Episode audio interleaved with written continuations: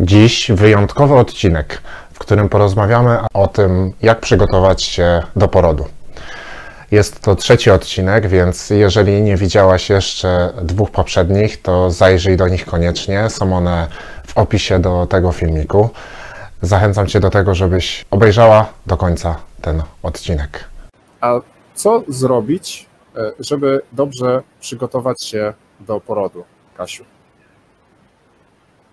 Mm, Tak, no żeby przygotować się do porodu. Ja w ogóle jestem zwolenniczką albo e, uczęszczania do szkoły rodzenia, albo na wizytę do położnej środowiskowej, e, które przysługują wszystkim ciężarnym po 21 tygodniu ciąży.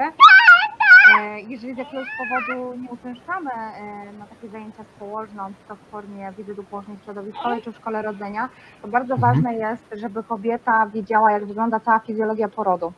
Jeżeli e, kobieta będzie znała fizjologię porodu, będzie wiedziała, czego się spodziewać w tym porodzie.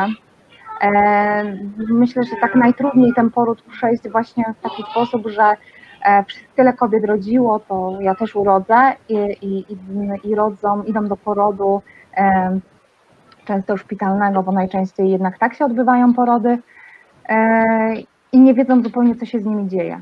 Więc to jest jakby podstawa poznania całej fizjologii porodu.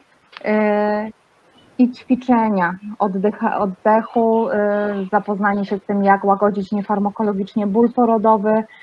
E, Także, no, ale wszystko właściwie sprowadza się do tej fizjologii porodu, bo wszystko, wszystkie te niefarmakologiczne metody łagodzenia bólu porodowego, one też się wiążą z fizjologią porodu e, i z tym, jak sobie e, radzić e, na każdym etapie porodu, bo chociażby to, żeby kobieta wiedziała, z ilu okresów składa się poród, mm, jak każdy okres przebiega, czego się można spodziewać e, i to bardzo, bardzo ułatwia e, kobietom e, przejście przez ten właściwie no, jeden z ważniejszych momentów swojego życia. A, a gdzie te informacje uzyskać? Gdzie odpowiedzi na te pytania właśnie uzyskać?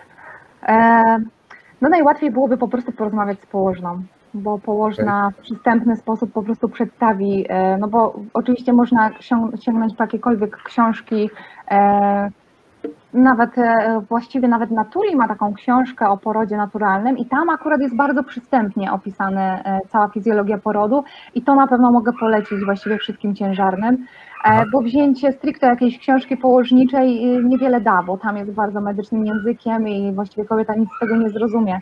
Aha. najłatwiej jest porozmawiać z położną, ale jeżeli chcemy się odnieść do książki, to na Tuli na pewno mogę polecić tytuł książki Poród Naturalny, bardzo fajna książka. E, W ogóle cała seria tych książek jest bardzo przydatna w przygotowaniu się do ciąży, do porodu i do macierzyństwa.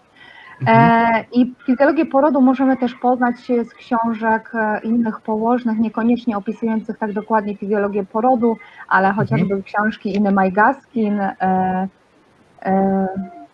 wylecę, nie mam teraz w głowie, e, i Ręki Hołuj, e, książki e, słynnej Mhm. położnej, która jako pierwsza w Polsce zaczęła przyjmować te porody domowe. Jasne. Także na pewno w, w takich miejscach trzeba tych, tej wiedzy szukać.